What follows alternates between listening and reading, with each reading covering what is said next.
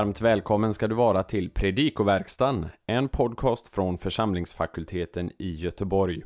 Daniel Johansson går här igenom kommande söndags evangelietext till hjälp för dig som förbereder en predikan inför söndagen eller för dig som är allmänt intresserad av att veta mer om evangelietexten.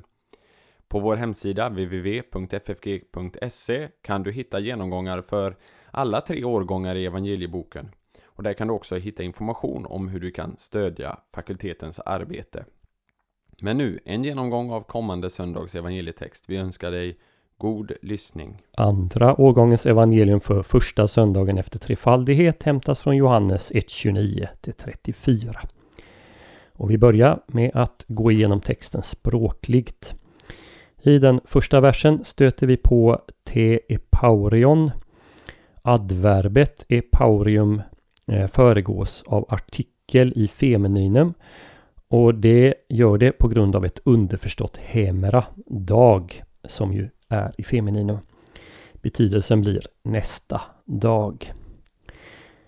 Vers 29 anknyter till eh, föregående vers genom asyndeton, eh, alltså utan sammanbindande konjunktion, vilket ju är det normala i grekiskan.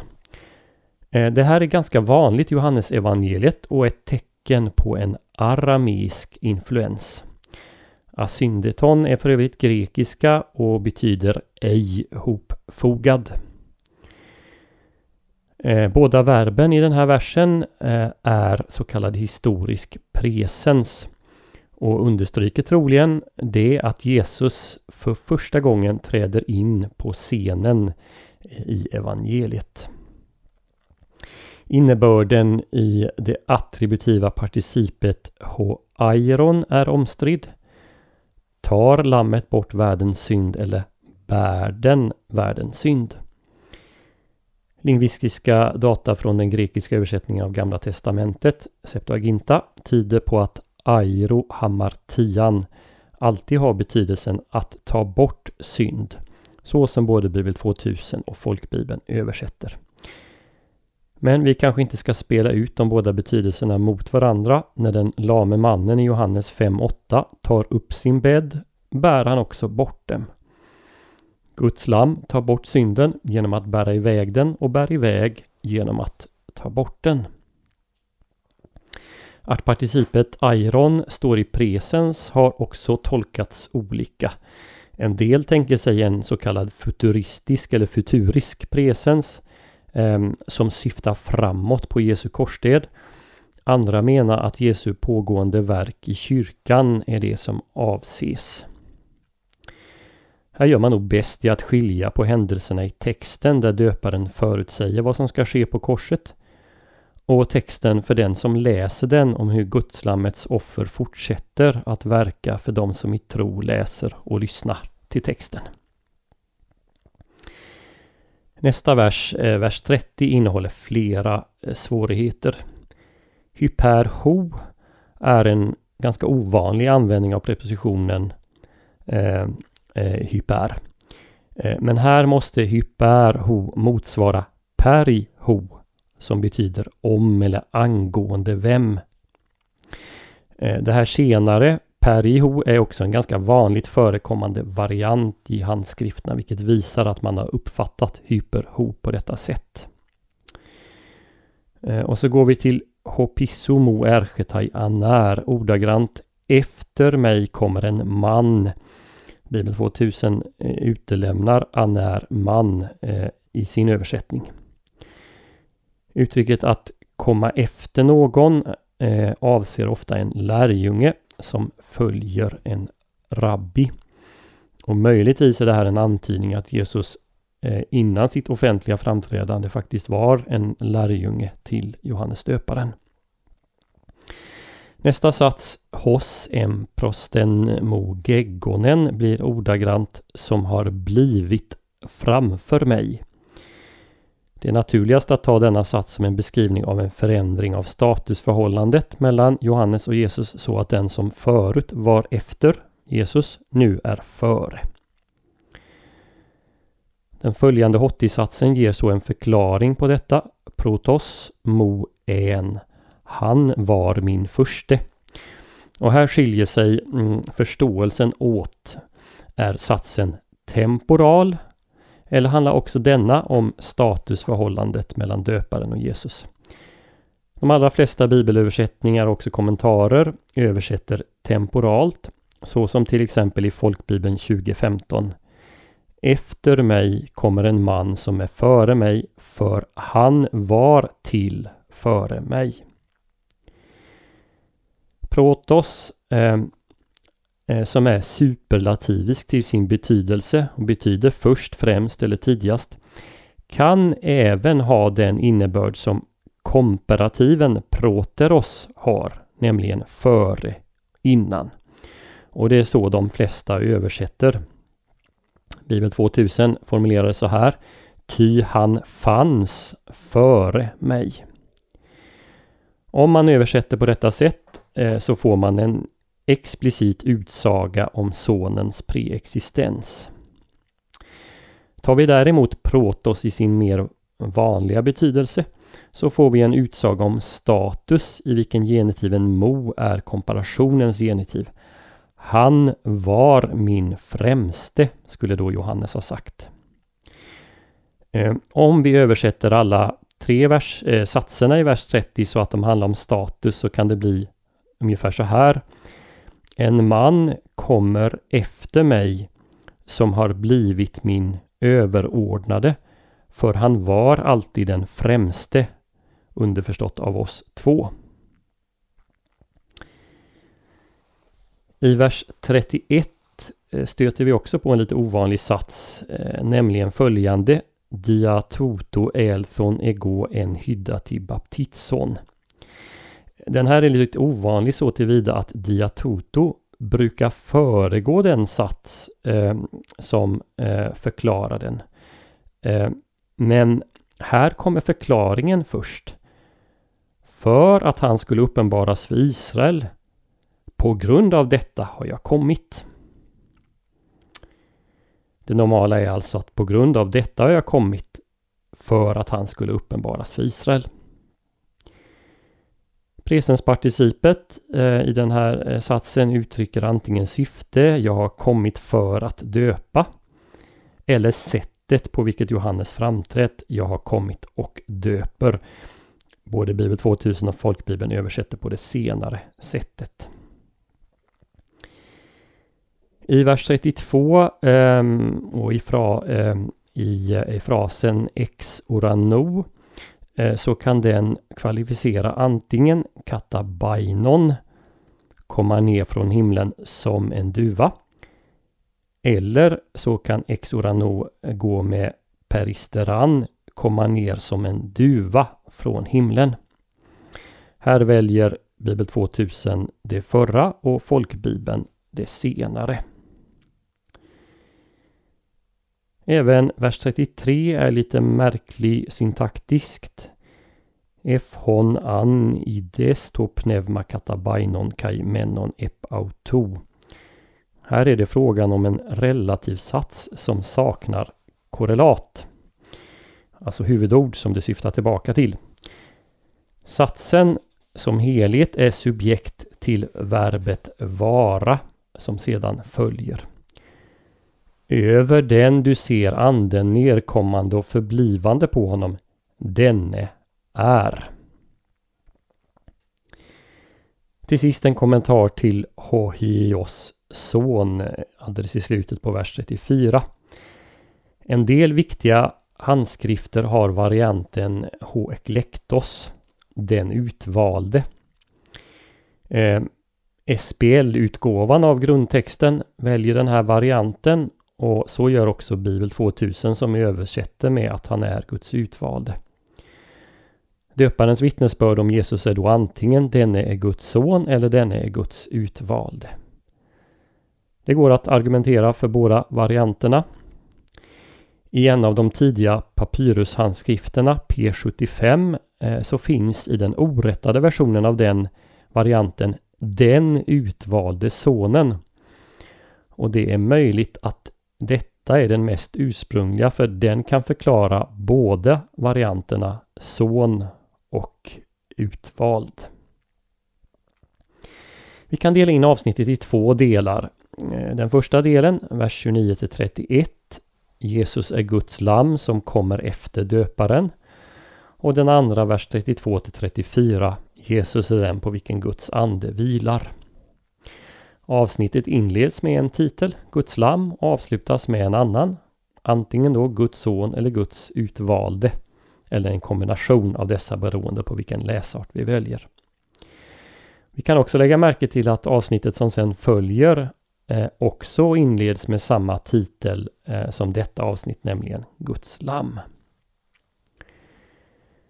Vårt avsnitt fortsätter Johannes eh, döparens vittnesbörd. I det föregående avsnittet har Johannes vittnat om vem han själv inte är, får vi säga. I detta vittnar han om vem Jesus är. Men frågan är vem han talar till.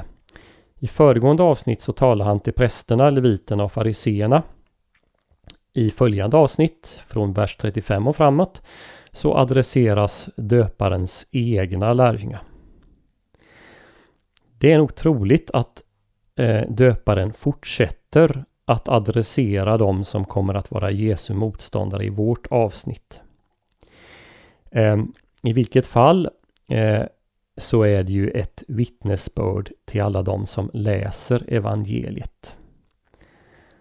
Men vi ska notera att Jesus senare, nämligen i kapitel 5.33, när han talar med sina motståndare, hänvisa tillbaka till detta döparen har sagt. Och det antyder väl ändå att, att döparen har vittnat kring dessa saker för eh, präster, leviter och fariseer.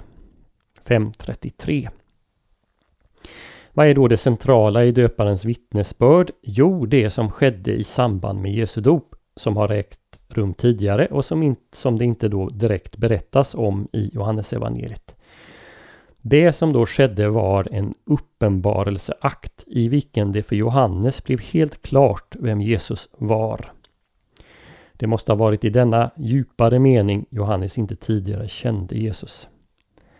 Det centrala i detta är Andens uppenbarelse vid Jesu dop och att Anden stannar över Jesus.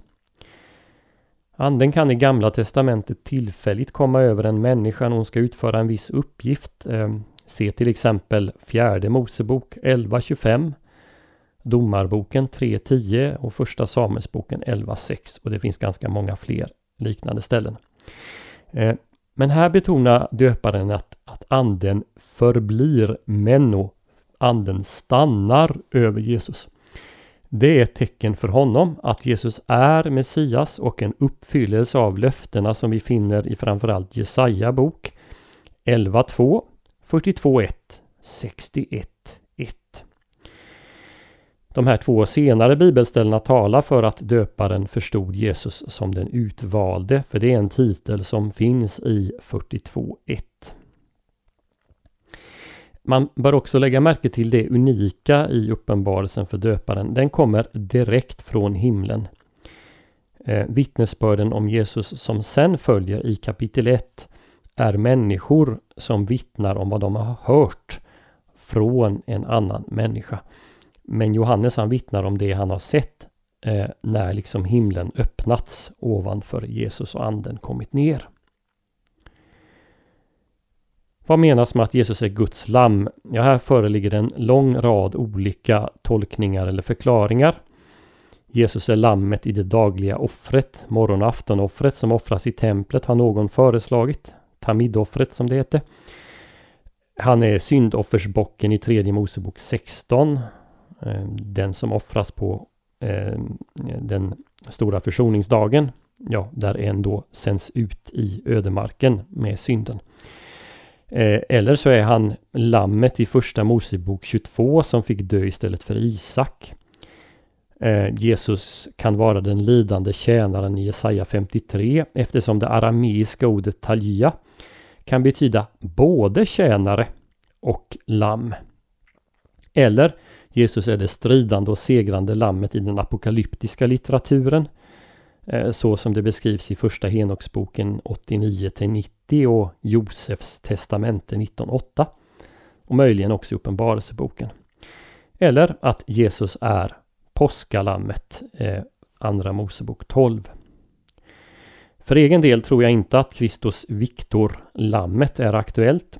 Parallellerna i den apokalyptiska litteraturen är långsökta, dels i meningen att de föreligger i avsnitt där djur används närmast som i en fabel. Och dels att det är svårt att se att en parallell, en ganska ovanlig parallell i den pseudepigrafiska litteraturen skulle ha företräde före de många bibliska parallellerna som faktiskt föreligger.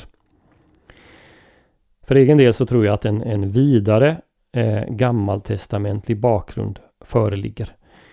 Som inkluderar den älskade sonen Isak i första Mosebok 22. Eh, som ju sen blir eh, ersatt av ett, eh, ett lamm.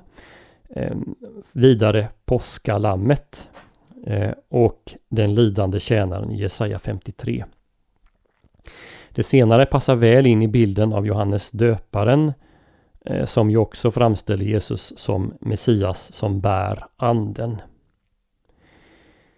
Mot denna bakgrunden, den här breda bakgrunden kan förklaras både att Jesus kallas för Guds son, så som Isak är Abrahams älskade son i första Mosebok 22, eh, och att Jesus kallas för Guds utvalde, så som han gör i Jesaja 42.1. Johannes döparen var förmodligen en som sett djupare än alla andra i den andra delen av Jesaja bok.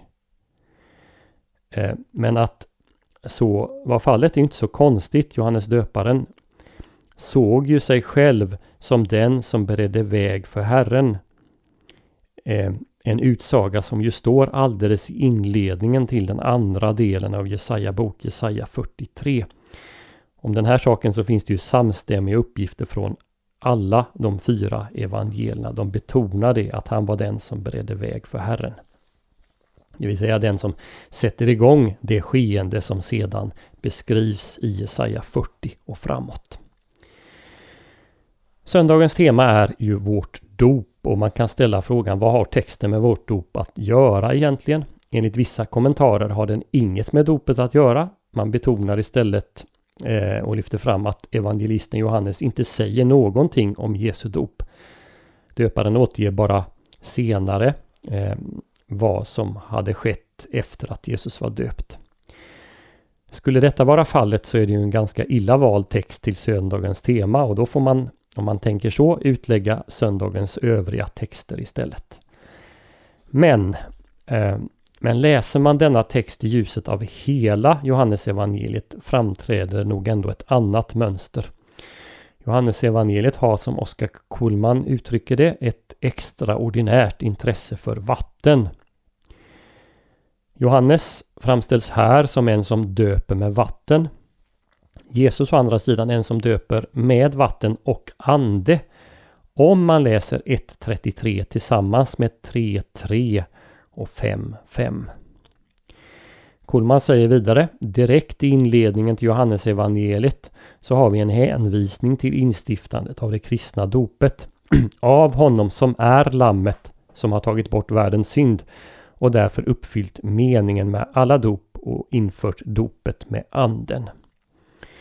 Utifrån denna tolkning så får vi säga att Johannes evangeliet lyfter fram som det centrala i dopet att Guds lamm där tar bort synden och skänker anden. Thank you.